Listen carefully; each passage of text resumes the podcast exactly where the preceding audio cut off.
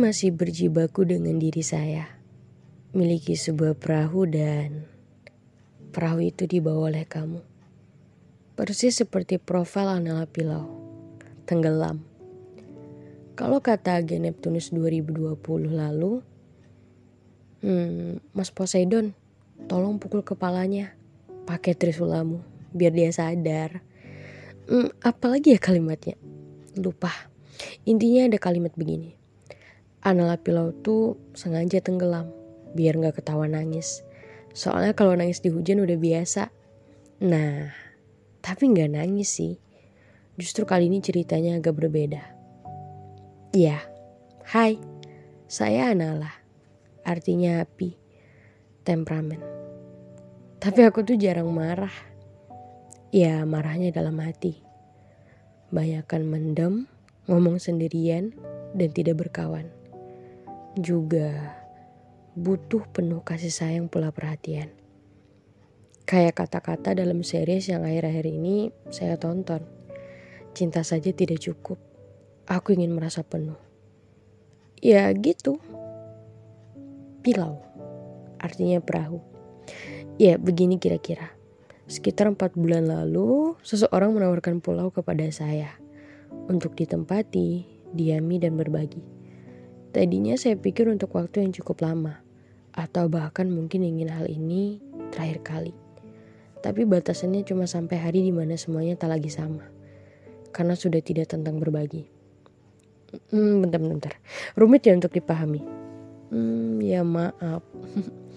saya bingung harus mulainya dari mana. Tapi kalau kamu udah dengerin episode kamu ingin atau tidak, pasti tahu alur cerita ini tentang apa. Ya, dia. Dia yang mana? Coba dengerin deh episode yang saya maksud.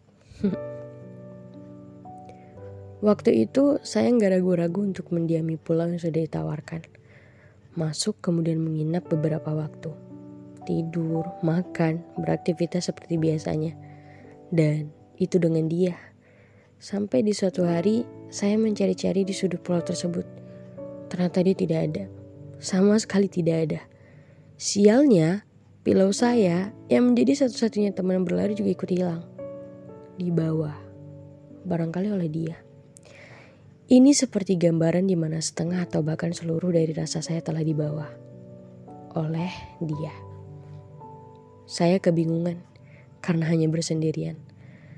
Tapi ada masa di mana dia pulang. Membawa beberapa bekal makanan sebagai penguat perasaan.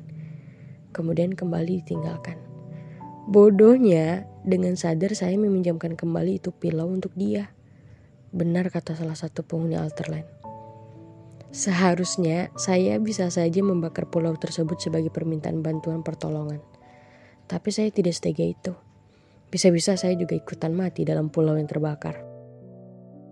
Jadi, sejauh ini saya hanya bisa berdiam, berharap ada tumpangan. Atau seminimal mungkin pilau yang menjadi satu-satunya teman saya bisa dikembalikan. Gak apa-apa gak utuh, berantakan. Saya bisa kembali membenarkan bagian-bagian yang mungkin sudah dipatahkan. Entah oleh harapan, angan, atau bahkan kalimat-kalimat sebatas surat bertukar pesan. Kalaupun bukan ini sebagai pelabuhan, maka secepat seharusnya saya harus meninggalkan.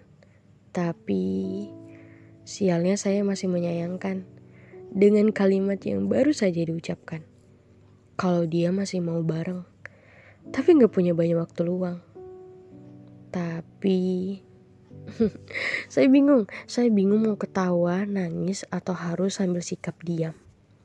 Tahu kan rasanya saat seseorang tiba-tiba berubah, tiba-tiba menjauh, tiba-tiba tidak lagi dia yang kita kenal utuh. Diam-diam malah memberi kesan agar hati kita rapuh tapi selalu diberi ucapan yang kembali membuat luluh. Masih bingung ya saya ngomong apa dari tadi? hmm, oke okay, oke. Okay. Dipersingkat. Sebenarnya saya sedang cemburu. Bukan karena tidak pede seperti percakapan Milea dan Dilan. Lebih dari tidak pede. Ya lebih. Ingin menutup celah agar tak satu pun tahu apa yang sedang dan apa yang dirasakan oleh saya. Ya cemburu Sesederhana saya cemburu saat pesan saya sudah terhitung 10 hari tidak dibalas. Jangankan dibalas, dibaca pun tidak. Dan sesederhana saya cemburu saat saya tahu dia malah like postingan salah satu artis atau penyanyi favoritnya. Sesederhana itu saya cemburu. Tapi dia nggak mampu balas buat pesan saya. Realistis. Memang betul, memprioritaskan saya tidak menghasilkan cuan. Paling hanya sebuah senyuman. Itu pun sifatnya sesaat. Dan sisanya hanyalah beban. Ya, beban perasaan. Tapi berulang kali kalau memang tidak ingin lebih baik disampaikan dengan jelas pernyataan. Jadi saya tidak merasakan sesak dan sesal yang terus berulang.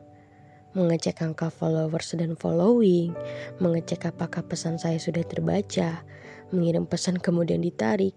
Ya, setidak percaya diri itu. Tapi kalau kamu mau bermain seperti itu, terhitung tanggal di mana suara ini mengudara, saya harus mengikuti jejak atau aturan tidak tertulis yang kamu buat itu biar adil. Kamu tahu gak sih, mungkin sekarang sakitnya berasa, tapi lama-kelamaan jadi terbiasa. Entah saya yang berhasil sebagai pemenangnya karena akhirnya terbiasa, entah kamu yang akhirnya merdeka dari bebanan rasa. Ya sudah, saya tutup dengan Hai, kamu yang gak akan pernah dengerin episode ini. Saya tahu itu. Saya sedang tidak menunggu pesan kamu seperti episode sebelumnya. Kalau memang sudah waktunya perlahan-lahan udahan, saya yakin juga akan mengikuti jejak perjalanan.